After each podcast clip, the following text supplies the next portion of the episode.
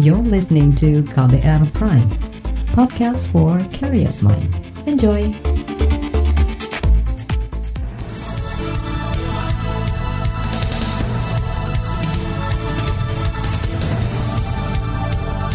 Selamat pagi saudara, kembali kami menyapa Anda dengan sejumlah informasi di Buletin Pagi edisi Jumat 27 November 2020. Bersama saya Eka Juli, kami sudah siapkan sejumlah informasi pilihan di antaranya Jokowi diminta pilih Menteri KKP dari kalangan profesional. Pemerintah diminta memperbaiki rancangan perpres pelibatan TNI menangani terorisme. Bupati Situbondo meninggal karena COVID. Dan inilah Buletin Pagi selengkapnya. Terbaru di Buletin Pagi. Presiden Joko Widodo diminta tidak memilih Menteri Kelautan dan Perikanan dari kalangan partai politik. Ini menyusul mundurnya kader Partai Gerindra Edi Prabowo dari jabatan Menteri Kelautan dan Perikanan usai menjadi tersangka kasus dugaan suap perizinan ekspor benih lobster. Sekjen Koalisi Rakyat untuk Keadilan Perikanan Kiara, Susan Herawati mengatakan, mafia perikanan di KKP dikhawatirkan bakal sulit diberantas jika menterinya memiliki relasi politik. Uh, memang dia harusnya tidak dari kolam yang sama gitu ya. Artinya presiden harus tegas dalam memilih siapa yang akan menjadi pasukan untuk ngurusin lautnya gitu ya. Permasalahannya memang hari ini relasi politik ini benar-benar dapat porsi yang cukup luas. Ini juga harus ada hal yang dianggap timbal balik. Dan tentu kalau ngomongin kriteria dia memang pertama dia harus bukan berasal dari partai politik. Sebaiknya begitu gitu ya. Sekjen Kiara Susan Herawati juga menjelaskan, Menteri Kelautan dan Perikanan yang baru harus memenuhi sejumlah kriteria, mulai dari berkomitmen melindungi dan memberdayakan nelayan, serta menyelesaikan konflik agraria di wilayah pesisir dan laut. Menteri Kelautan dan Perikanan juga harus berani memberantas mafia perikanan. Kiara juga meminta kasus yang menjerat Edi Prabowo bisa dijadikan pintu masuk untuk membongkar kebijakannya yang lain selama menjabat menteri. Misalnya, pemberian izin kapal cantrang melaut di zona ekonomi eksklusif. Saudara desakan agar Menteri Kelautan dan Perikanan dijabat kalangan profesional juga dilontarkan Ketua PP Muhammadiyah Anwar Abbas. Menteri Kelautan dan Perikanan yang baru seharusnya dipilih dari kalangan ahli, bukan politisi. PP Muhammadiyah dan PBNU termasuk kelompok yang tegas menolak kebijakan Edi Prabowo membuka keran ekspor benih lobster. Itu orang benar-benar tahu tentang masalah kelautan dengan potensi-potensinya itu gitu ya. Kan kalau dalam hadis Nabi ya serahkan sesuatu itu kepada ahlinya. Jadi kalau tidak diserahkan kepada ahlinya ya rusak dia.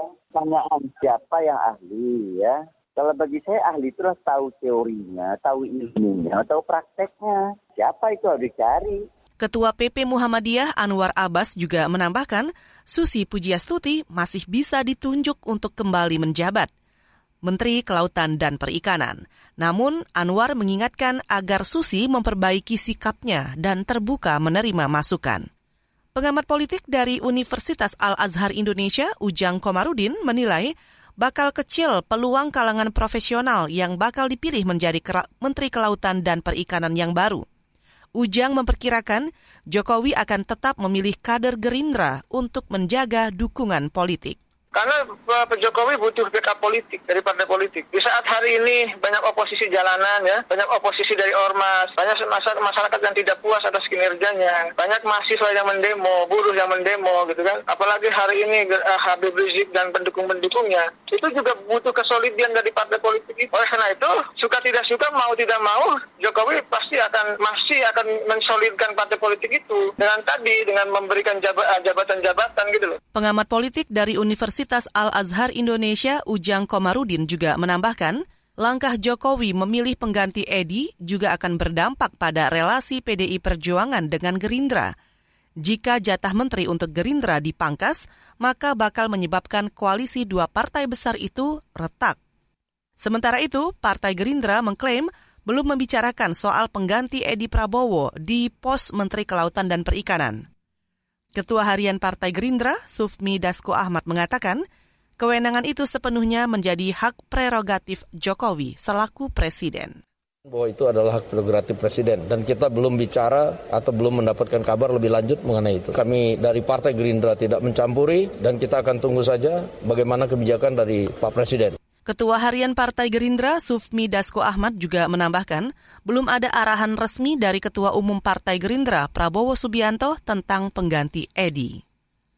Saudara pembudidaya benih lobster ikut menyampaikan aspirasi tentang calon Menteri Kelautan dan Perikanan yang baru – Amin, pembudidaya lobster di Lombok Timur, Nusa Tenggara Barat misalnya, berharap siapa pun pengganti Edi Prabowo harus bisa menerapkan kebijakan ekspor benur sesuai aturan. Menteri baru diminta jangan hanya fokus mencari keuntungan dari ekspor benur, tetapi juga menyiapkan infrastruktur untuk budidaya di dalam negeri. Kemarin, pejabat sementara Menteri Kelautan dan Perikanan Luhut Panjaitan menghentikan sementara ekspor benur – Hal itu dikonfirmasi oleh Sekjen KKP Antam November. Penghentian sementara dilakukan untuk memperbaiki tata kelola ekspor agar sesuai peraturan menteri. Sementara itu, saudara, Komisi Pemberantasan Korupsi atau KPK hingga tadi malam masih menyidik dua tersangka yang sebelumnya buron, yaitu staf khusus Edi Prabowo, Andrew Pribadi Misata, dan Sekretaris Pribadi Menteri KKP, Amirul Mukminin. Juru bicara KPK Ali Fikri mengatakan, keduanya diperiksa dan langsung ditahan. Hingga kini, total tujuh tersangka ditahan terkait kasus suap izin ekspor benur. Dalam kasus ini, Edi Prabowo diduga menerima suap 3,4 miliar rupiah dan seribu, maksud kami 100 ribu dolar Amerika Serikat dari pengusaha Suharjito melalui stafnya. Sebagian uang itu dibelanjakan Edi untuk membeli barang-barang mewah saat lawatan ke Amerika Serikat.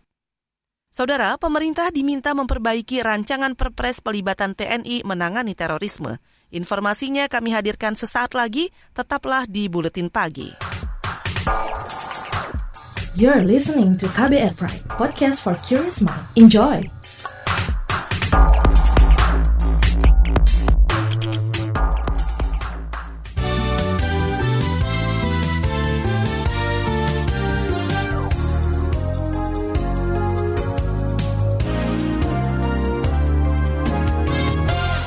Anda sedang mendengarkan Buletin Pagi KBR. Saudara DPR meminta pemerintah memperbaiki rancangan peraturan presiden pelibatan TNI dalam penanganan terorisme. Substansi dalam rancangan itu berpotensi menimbulkan tumpang tindih dalam penanggulangan terorisme. Anggota DPR dari Komisi Hukum Arsul Sani mengatakan rancangan itu diajukan dalam rapat konsultasi beberapa waktu lalu kami memandang bahwa raperpres yang diajukan oleh pemerintah untuk dikonsultasikan kepada DPR sesuai dengan Undang-Undang Nomor 5 Tahun 2018 itu belum atau bahkan tidak secara jelas itu meletakkan bingkai skema ya kerangka tentang pelibatan TNI itu sehingga membuka ruang untuk terjadinya misalnya overlapping kerja-kerja penanggulangan terorisme di lapangan. Anggota DPR dari Komisi Hukum Arsul Sani juga menekankan politik hukum Indonesia dalam penanganan terorisme menggunakan pendekatan sistem peradilan pidana, bukan pendekatan militer. Rancangan perpres ini juga ditolak sejumlah kalangan termasuk Komnas HAM. Menurut Komisioner Komnas HAM Hoirul Anam, perpres berpotensi melanggar HAM dan memberi kewenangan luas kepada tentara. Kita ke soal terorisme. Tim Densus 88 Anti Teror menangkap buronan teroris Taufik Bulaga alias Upik Lawanga di Lampung. Taufik diduga salah satu perakit bom di Hotel JW Marriott dan Hotel Ritz-Carlton pada 2009 silam. Juru bicara Mabes Polri Awi Setiono menjelaskan penangkapan dilakukan dalam operasi selama dua hari. Jadi tanggal 23 dan 25 memang Densus 88 anti teror telah melakukan penindakan terhadap tersangka TB alias Upik Lawanga. Juru bicara Mabes Polri Awi Setiono menambahkan Taufik diduga merupakan murid teroris Dr. Azhari. Taufik disebut-sebut pula terlibat dalam bom Solo dan Cirebon. Selain Taufik, Densus menangkap sejumlah terduga teroris lainnya dari kelompok jamaah Islamiyah. Namun Awi belum mau membeberkannya. Kita ke soal COVID. Kasus harian aktif COVID-19 selalu di angka 5 ribuan selama sepekan terakhir. Untuk itu, juru bicara Satgas Penanganan COVID, Wiku Adhisa Smito, kembali mengingatkan pemerintah daerah dan masyarakat tentang disiplin protokol kesehatan. Masyarakat diminta patuh menerapkan protokol cegah COVID saat beraktivitas. Satgas ingin mengingatkan kepada kita semua bahwa penambahan kasus positif di Indonesia sudah mencapai lebih dari 5.000 kasus selama tiga hari, bahkan tidak pernah berada di bawah 4.000 selama seminggu terakhir. Ini harus menjadi alarm bagi kita semua. Kasus positif ini dapat terus bertambah apabila tidak ada langkah serius dari masyarakat maupun pemerintah daerah untuk mencegah penularan. Juru bicara Satgas COVID-19 Wiku Adhisa Smito juga menambahkan total jumlah kasus positif per 26 November mencapai 506 ribu kasus lebih. Sebanyak 425 ribu dinyatakan sembuh dan 16 ribu lebih meninggal. Kasus aktif mencapai 64 ribu kasus atau 12,8 persen. Jawa Tengah mendapat catatan khusus dari Satgas karena lonjakan jumlah kasusnya aktifnya pada bulan ini. Beralih ke berita ekonomi. Pemerintah berupaya menekan dampak pandemi COVID di sektor industri melalui program substitusi impor. Lewat program ini, bahan baku impor ditargetkan bisa diproduksi di dalam negeri. Kepala Badan Pengembangan SDM Industri Kementerian Perindustrian Eko Cahyono mengatakan, kebijakan ini bertujuan untuk mengurangi ketergantungan impor. Upaya pemulihan sektor industri juga didorong oleh kebijakan pemerintah melalui program substitusi impor. Kami menargetkan kira-kira 35 persen pada tahun 2022. Program ini dilaksanakan melalui penurunan impor dengan nilai terbesar yang simultan dengan peningkatan utilisasi produksi hingga mencapai 85 persen tahun 2022. Kepala Badan Pengembangan SDM Industri Kemenperin Eko Cahyanto juga menuturkan Program substitusi impor diharapkan mampu menarik investasi, membuka lapangan kerja, meningkatkan daya beli dan pasar ekspor. Sejumlah kebijakan disiapkan dalam mendukung program itu. Di antaranya, larangan terbatas pada registrasi dan perizinan impor, harga impor minimal, dan kuota impor. Kita ke berita mancanegara. Kepolisian di Raja Malaysia menyelamatkan MH, pekerja migran Indonesia yang disiksa majikannya di Kuala Lumpur. Bentuk penyiksaan itu misalnya menyiram dengan air panas dan tidak diberi makan. Mengutip antara news, aksi penyelamatan dilakukan setelah polisi menerima informasi dugaan penyiksaan dari LSM Tenaga Nita dan hasil koordinasi dengan KBRI Kuala Lumpur. Saat ini majikan MH ditahan polisi. Kementerian Luar Negeri mengecam keras tindakan penyiksaan yang kerap dialami pekerja migran Indonesia di Malaysia. Saat ini KBRI mendampingi MH dan menunjuk pengacara untuk menangani kasusnya. Beralih ke berita olahraga, Arsenal meraih poin penuh di fase grup Liga Eropa dengan mengalahkan Molde 3-0. Bermain di kandang lawan, Arsenal mendapat perlawanan sengit di babak pertama. Nicolas Pepe membuka keunggulan The Gunners lewat gol di menit ke-50. Semenit kemudian, Reece Nelson memperlebar jarak menjadi 2-0. Gol penutup dilesakkan Volarin Balogun jelang akhir pertandingan. Dengan hasil ini, Arsenal memuncaki grup B dan dipastikan lolos ke babak selanjutnya. Sementara itu di pertandingan lain, AC Milan ditahan imbang 1-1 oleh klub Prancis Lille OSC. Hasil ini menempatkan Lille di puncak klasemen grup H dan Milan di posisi kedua. Saudara laporan khas KBR bertajuk Kisah Pendamping Program Keluarga Harapan Edukasi Warga Cegah Stunting kami hadirkan sesaat lagi, tetaplah di Buletin Pagi. You're listening to KBR Pride, podcast for curious mind. Enjoy!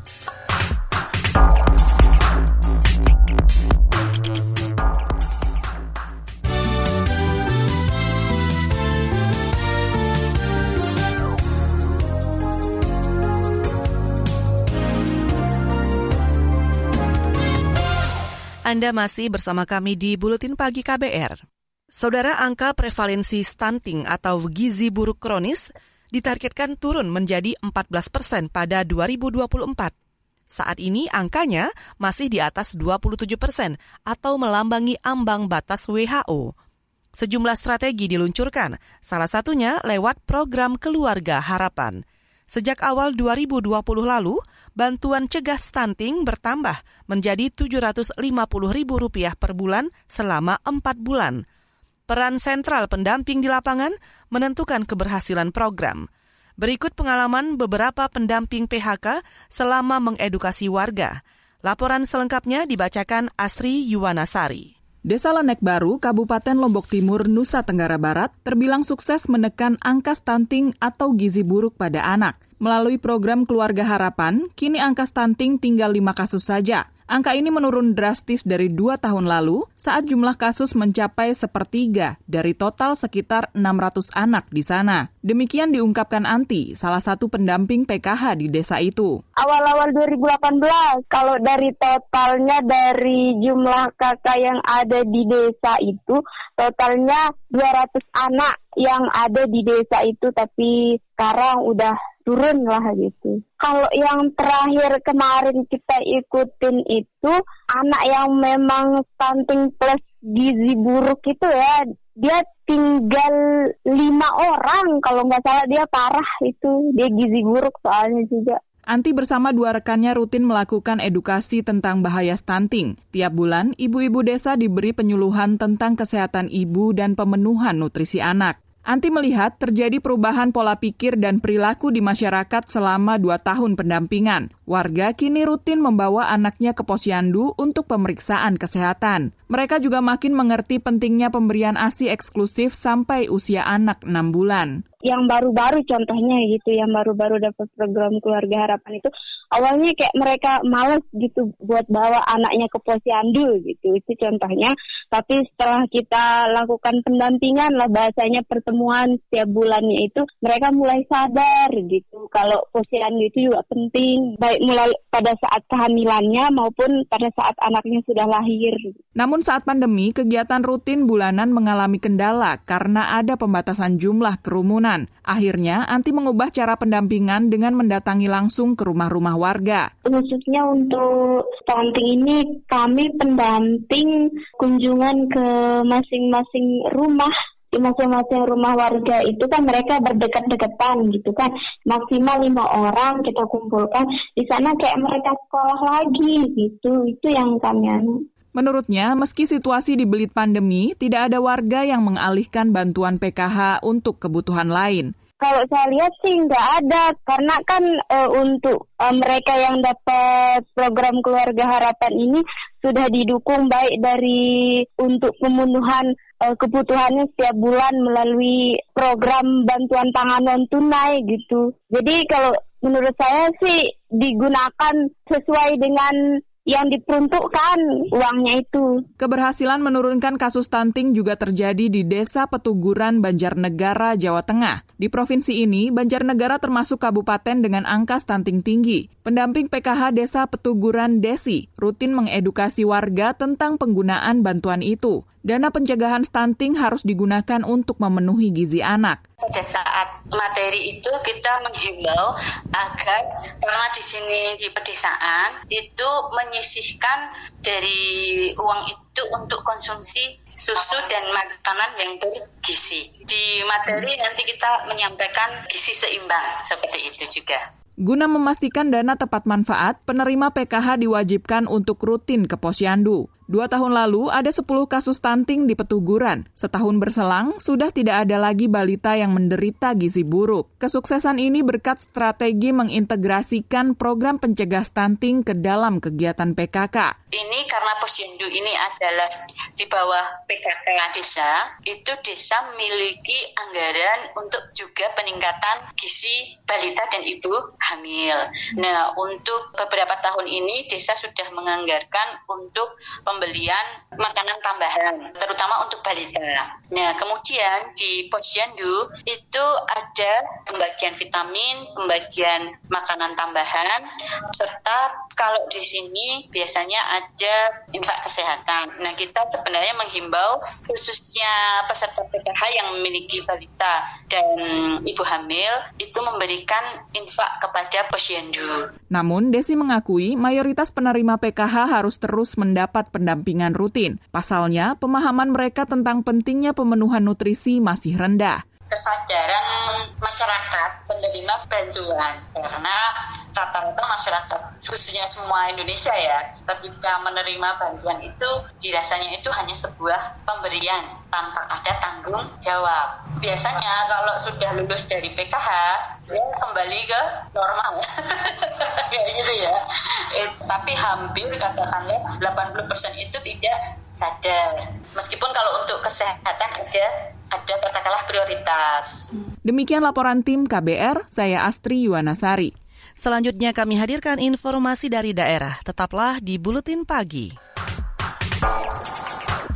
You're listening to KBR Pride, podcast for curious mind. Enjoy!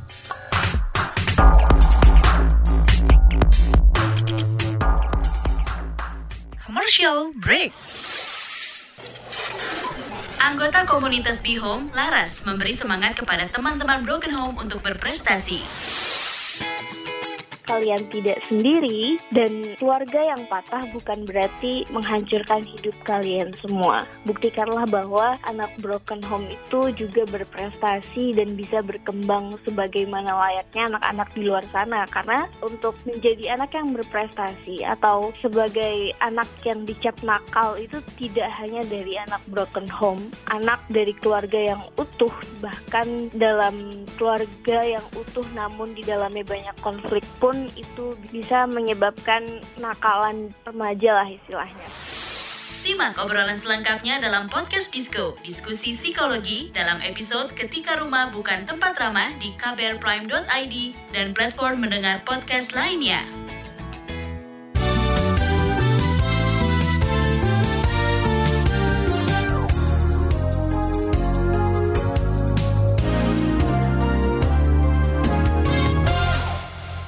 Inilah bagian akhir buletin pagi KBR. Saudara Bupati Situbondo, Jawa Timur, Dadang Wigiarto meninggal karena COVID-19 pada Kamis sore di Rumah Sakit Daerah Abdur Rahem. Dadang sempat dirawat selama tiga hari. Menurut juru bicara Satgas Penanganan COVID-19 Situbondo, Dadang Bintoro, pemakaman dilangsungkan tadi malam di TPU Mawar, Kota Situbondo. Prosesi pemakaman dilakukan sesuai protokol COVID tanpa dihadiri keluarga dan masyarakat. Pak Bupati hari Selasa dinyatakan positif COVID-19, kemudian masuk rumah sakit hari Selasa itu, Selasa, Rabu, Kamis, dirawat sampai hari Kamis ini tadi, kemudian meninggal. Kalau protokol kesehatan ya tidak tidak boleh, harus petugas saja yang memakamkan. Juru bicara Satgas COVID-19 Situ Bondo, Dadang Bintoro menambahkan, tes usap telah dilakukan kepada sembilan orang yang sempat kontak erat dengan almarhum. Satgas juga mensterilisasi serta mendisinfeksi, mendisinfeksi kantor dan rumah dinas Dadang. Sebelum dinyatakan positif COVID, Dadang Wigiarto banyak menghadiri kegiatan seperti di Panarukan dan Malang. Kita ke Jawa Tengah. Lebih dari 2.000 warga dari tiga kabupaten di Jawa Tengah mengungsi akibat peningkatan aktivitas Gunung Merapi. Tiga kabupaten itu adalah Boyolali, Magelang, dan Klaten. Hal ini diungkapkan pelaksana tugas Badan Penanggulangan Bencana Daerah BPBD Jawa Tengah, Sapfrudin. Informasi-informasi adanya ke utara gitu diterima dengan ininya sehingga mereka sekarang melakukan banyak pengungsian ini sampai 900 lebih ini makan lebih besar daripada pengungsi yang di Magelang. Uh, ini yang di Boyolali kan masih di arah, belum sampai ke apa namanya tempat evakuasi akhir yang di Sister Village itu. PLT BPBD Jawa Tengah Safrudin menambahkan pihaknya terus berkoordinasi dengan pemerintah kabupaten untuk menyediakan barak pengungsian tambahan. Kita ke info pilkada. Kita mulai dari Sumatera Barat. Ketua Panitia Pengawas Pemilu Kecamatan Panwascam Pantai Cermin Solok, Jendra Effendi, dicopot dari jabatannya karena melanggar kode etik. Jendra terbukti mendukung salah satu pasangan calon bupati dan wakil bupati Solok berdasarkan rekaman percakapan yang beredar di masyarakat. Ketua Bawaslu Solok, Afri Memori, memastikan pemecatan Jendra sudah melewati pemeriksaan dan sidang pleno. Bergeser ke Kalimantan Timur, belasan ribu anggota kelompok penyelenggara pemungutan suara KPPS Balikpapan menjalani tes cepat COVID-19. Sejak kemarin secara maraton tiga kali sehari di 34 kelurahan, bekerja sama dengan delapan klinik. Jika ada yang hasilnya reaktif, maka dilanjutkan tes usap berbasis PCR, kemudian disarankan melakukan isolasi mandiri. Saudara informasi tadi menutup jumpa kita di Buletin Pagi hari ini. Pantau juga informasi terbaru melalui kabar baru, situs kbr.id, Twitter di akun @beritaKBR, serta podcast di alamat kbrprime.id. Akhirnya saya Eka Juli bersama kerabat kerja yang bertugas undur diri. Salam.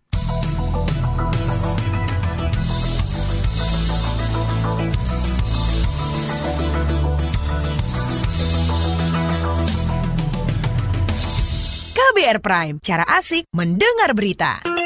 KBR Prime, podcast for curious mind.